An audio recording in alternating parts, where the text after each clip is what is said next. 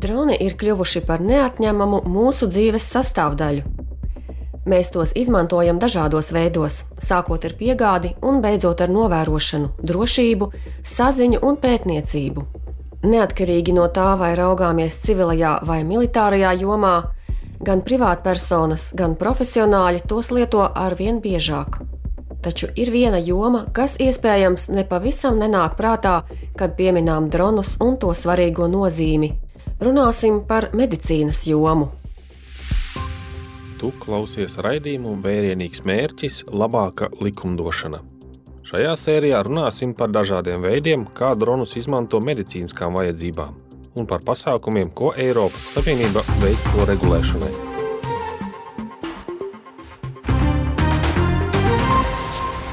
Parasti, kad runājam par droniem, varam iedomāties, ka tos izmanto atpūtas vajadzībām vai novērošanai.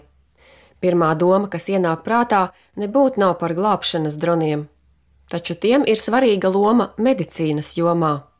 Droniem patiešām ir daudz priekšrocību, un medicīnas jomā tos lieto dažādos veidos. Kādi tie ir?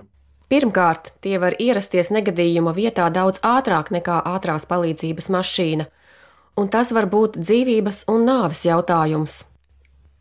Piemēram, 2021. gada beigās kādā mazā Zviedrijas pilsētā autonomais drons nogādāja defibrilatoru negadījuma vietā, kur bija notikusi sirdsdarbības apstāšanās. Drons ieradās trīs minūšu laikā no brīža, kad par šo notikumu uzzināja neatliekamās palīdzības dienests. Šāda ātra reakcija izglāba 71 gadu veca vīrieša dzīvību. Katru gadu visā Eiropas Savienībā dronus izmanto šādās un līdzīgās ārkārtas situācijās aizvien biežāk, un šis ir tikai sākums. Droniem bija svarīga nozīme arī pandēmijas laikā, kad tos izmantoja, lai ierobežotu koronavīrusa izplatīšanos.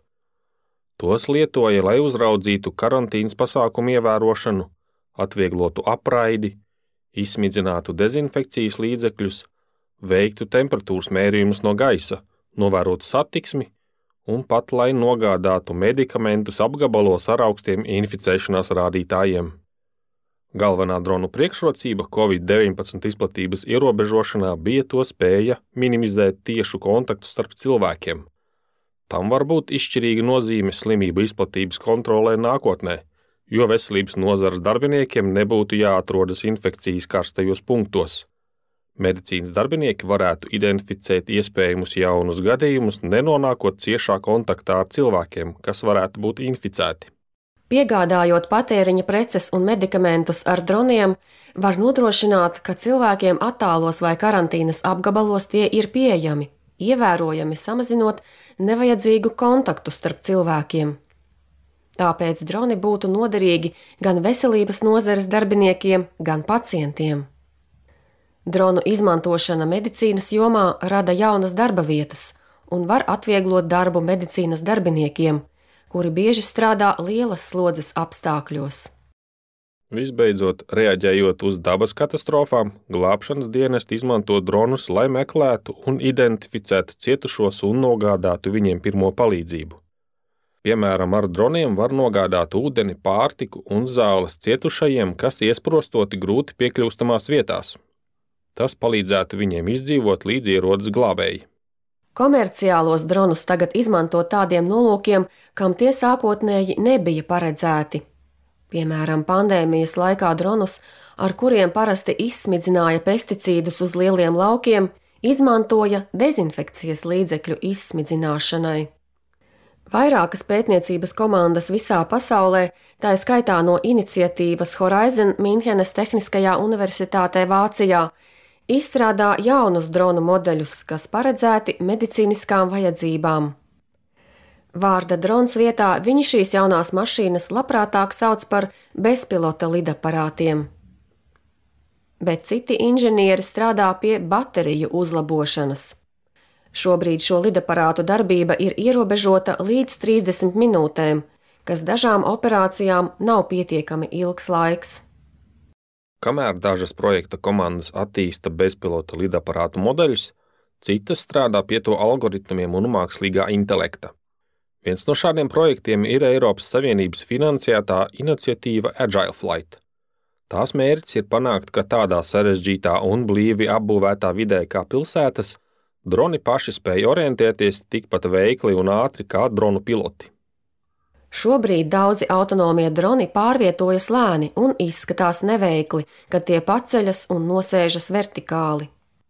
Lai varētu orientēties vidē, tie bieži izmanto GPS signālus, kurus dažkārt nevar uztvert ēku tuvumā vai iekštelpās. Savukārt Agile Flight komanda izstrādā un testē uz redzi balstītus dronu algoritmus. Lai atdarinātu cilvēka vai dzīvnieka acis, dronos izmanto parastas videokameras un tās augtās notikumu reģistrācijas kameras. Tas nozīmē, ka lidošanai nebūs vajadzīga ārējā infrastruktūra. Lai uzlabotu dronu darbību, komanda algoritmus apmāca izmantojot mākslīgo intelektu un datorsimulācijas kā arī tādu simulācijas programmatūru, ko izmanto video spēļu izstrādē. Šādā veidā var simulēt tūkstošiem scenāriju un uzlabot mašīnu mācīšanās sistēmu daudz ātrāk nekā fiziskos testos. Šie testi un sistēmas jau dod rezultātus.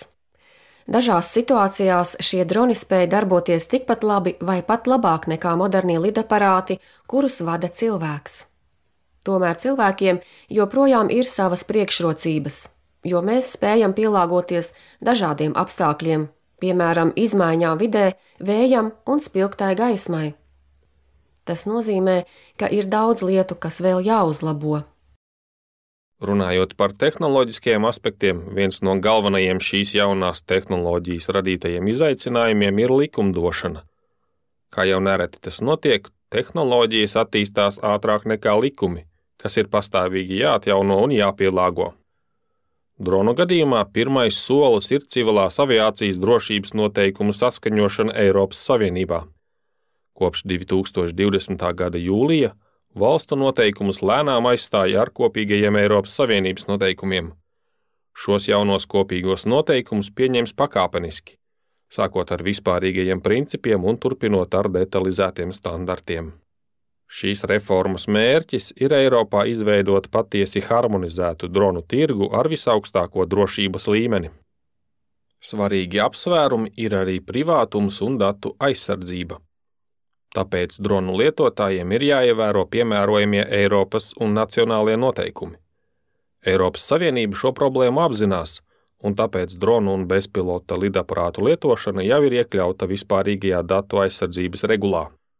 Visbeidzot, Eiropas Savienība ir palīdzējusi gan profesionālo, gan privāto dronu lietotājiem iepazīties ar šo apjomīgo informācijas daudzumu, jo tā ir līdzfinansējusi vietni par dronu lietošanas noteikumiem. Tie ir iztulkoti 22 Eiropas Savienības valodās, un tos var apskatīt adresē dronerules.eu. Neaizmirsīsim, ka uzlabojumiem vienā jomā bieži ir pozitīva ietekme uz citām. Šīs tehnoloģijas, algoritmus un jaunos lidaparātu modeļus varētu nākotnē izmantot arī, piemēram, kosmosa izpētē, lauksaimniecībā vai vides aizsardzībā. Kā noskaidrojām, Eiropas Savienībā gan medicīnas jomā, gan citās jomās dronu iespēju atklāšana ir tikai sākusies. Šo raidījumu sagatavoja Eiropas parlaments. Vairāk informācijas var atrast Eiropas parlamenta Think Tank tīmekļa vietnē.